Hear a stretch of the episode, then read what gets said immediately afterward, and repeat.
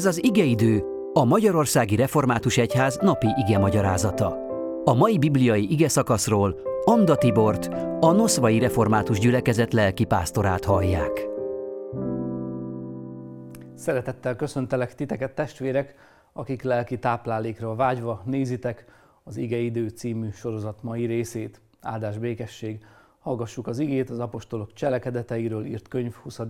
fejezetének 28. verséből, így szól itt az ige, viseljetek gondot tehát magatokra és az egész nyájra, amelynek őrizőivé tett titeket a Szentlélek, hogy legeltessétek az Isten egyházát, amelyet tulajdon vérével szerzett.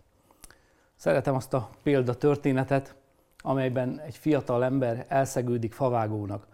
Az első napon nagy lelkesedéssel vágja a fát a fejszéjével, nagyon eredményes a munkája. Még a második napon is így van ez de aztán valahogy egyre kevesebbet sikerül elvégeznie. A második hét végére egészen lecsökken a teljesítménye. A munkavezető kilátásba helyezi az elbocsátását.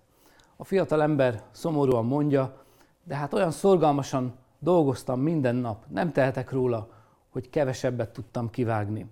Erre a munkavezető megkérdezte, és a fejszédet megélezted? Azt sajnos nem válaszolt a fiatal ember. Nálunk faluhelyen azt mondják, mondjuk, hogy a kerti szerszámok, munkaeszközök karbantartása sosem elvesztegetett idő. Egy láncfűrész például szinte teljesen használhatatlanná válik, ha nincs megélezve a lánca. Viszont ha ez megtörténik, akkor úgy vágja a tűzifát, mint kés a vajat. Testvérek, Isten országában mi vagyunk a szolgálat eszközei az életünk, a személyünk, személyiségünk, a szívünk, a lelkünk, az elménk, és igen, a testünk is.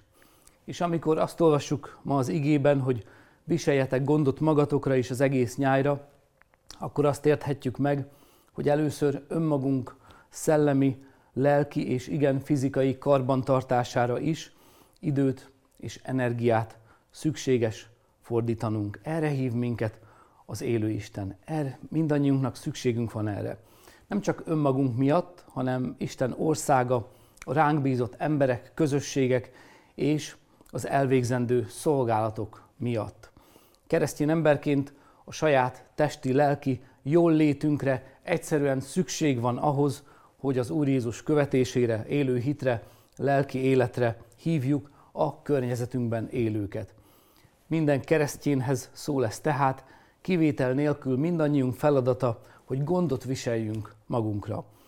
Viszont érdekes aktualitása van ennek a felhívásnak ezekben a hetekben, hónapokban, amikor gyülekezeteinkben a tisztújítás, a presbiter választás, presbitereink választása zajlik a következő hat éves ciklusra nézve, ugyanis ezeket a szavakat Pálapostól presbiterekhez intézi.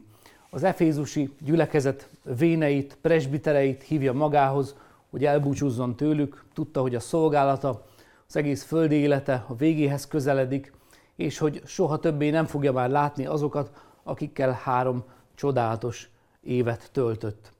Bár viszonylag egy hosszú levelet ír még később a gyülekezet egészének, utolsó intelmeit ekkor mondja el, ezért nagyon hangsúlyosak, és ezek közül is, mintha kiemelkedne ez a 28. vers, viseljetek gondot magatokra és az egész nyájra. Minden keresztény számára tehát rendkívül fontos, hogy keresse és megtalálja a szellemi-lelki feltöltődés lehetőségeit.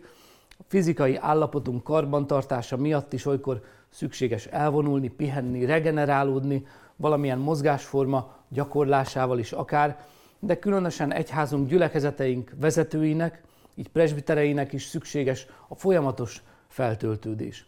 És ez nem, magunk, nem önmagunk legeltetését jelenti, hanem erőgyűjtést ahhoz, hogy a nyájat, a nyájakat, a közösségeket tudjuk táplálni lelkileg, és vezethessük az örökké valóság útján. Hogy vagy te ezzel, te testvérem? Mit tudnál tenni azért ma, vagy ebben az időszakban, amiben teljesülhetne ez az ige, viseljetek gondot magatokra és az egész nyájra. Kérjük ehhez most Isten vezetését, imádkozzunk. Úr Jézus, kérünk, segíts meg minket, akik halljuk ezt az igét, hogy folyamatosan és kitartóan keressük a szellemi, lelki, testi feltöltődés lehetőségeit, és hogy meg is találhassuk azokat. Kérjük ezt most külön is egyházunk, gyülekezeteink vezetői, presbiterei számára, hogy keresztény közösségeink épülhessenek, növekedhessenek, és folyamatosan megújulhassanak. Amen.